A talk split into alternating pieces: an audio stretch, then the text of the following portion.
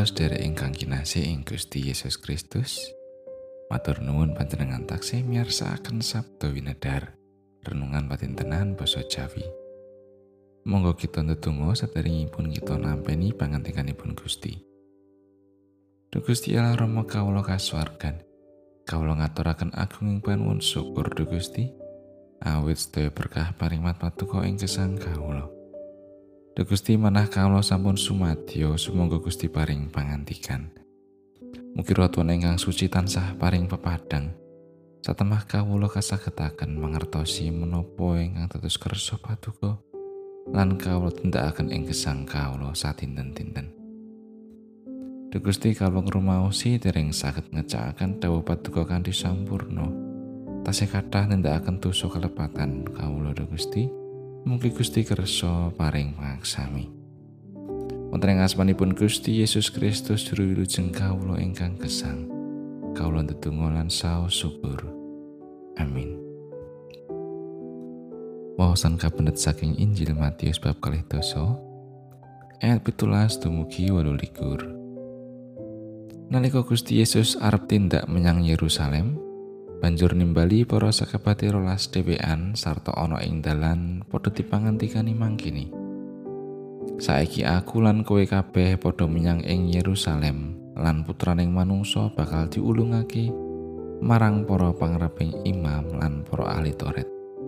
Iku bakal nibakake paukuman pati marang panjenengane lan masrahake marang wong-wong kafir supaya dipoyoki lan disapu banjur disalib sarta ing telung dinane bakal kawungake. Ibune anak-anake Zebedeus marak ing ngarsane Gusti Yesus karo anak-anake banjur sujud sarta arep ngaturake panyuwunan. Gusti Yesus ndangu, "Kowe arep matur apa?" Unjuke, "Mugi kersa paring dawuh supados anak kaul kekalih menika benjing wonten ing kraton Paduka." Samiling kiyo ingkang setunggal wonten ing tengen setunggalipun ing kiwa patuko.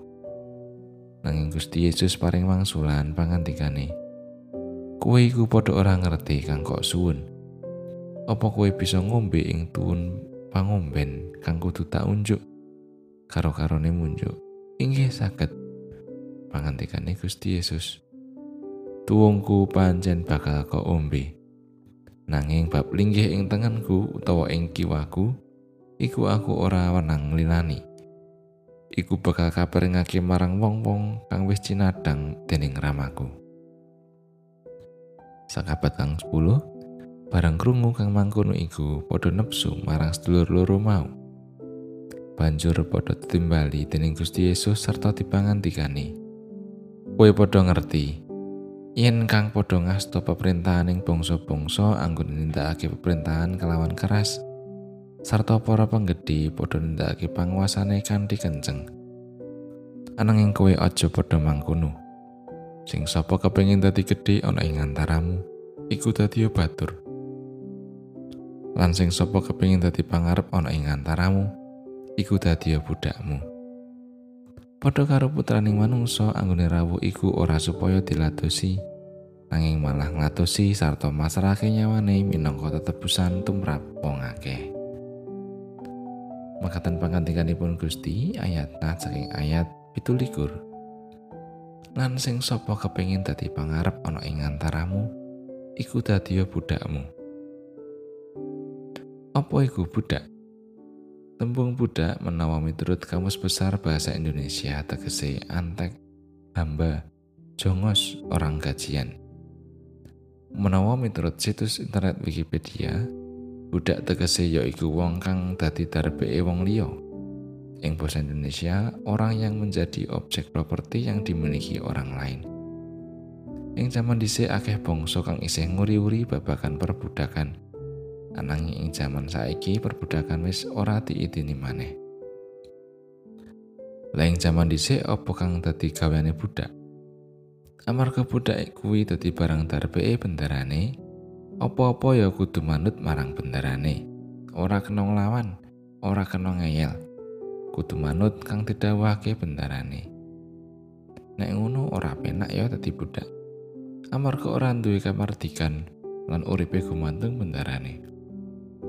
Ananging kenapa ing wacan kitab suci dina iki Gusti Yesus malah ngendika Sing sapa kepengin dadi pangarep ana ing antaramu iku dadi budakmu. Kamangka lumrahe saben wong kepengin dadi pangarep kepengin pinunjul. Wah nek kudu ngono lak ya berat kepriben to Gusti Yesus iku. Kang dikersake Gusti Yesus yaiku aja dadi wong kang gila hormat, gila kedudukan, gila jabatan lan sapanunggalane. Wong bisa dadi pangarep menawa gelem dadi budak. Basa aluse dadi abdi. Ngateni wong liya, ora malah nindes wong liya. Nulodo Gusti Yesus kang uga kersa dadi abdi nganti sedo sinalip. Asring nalika lagi nembangake lagu rohani hati sebagai hamba, ketok anggone ngresepi, ketok oleh itu momen. Kamangka menawa ora diajeni wong liya sithik wae langsung nesu. Menawa ning gereja rumangsa ora dianggep banjur mutung ora mangkat ngibadah. Mula awake dhewe kudu sinau dadi batur dadi budak dadi abdi. Gelem? Amin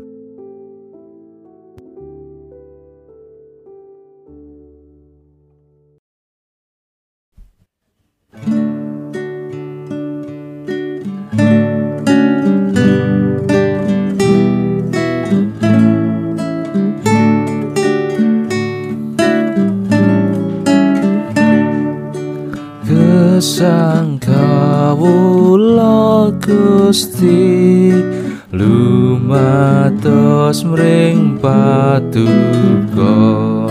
Saben kula makarti patuko kang makaryo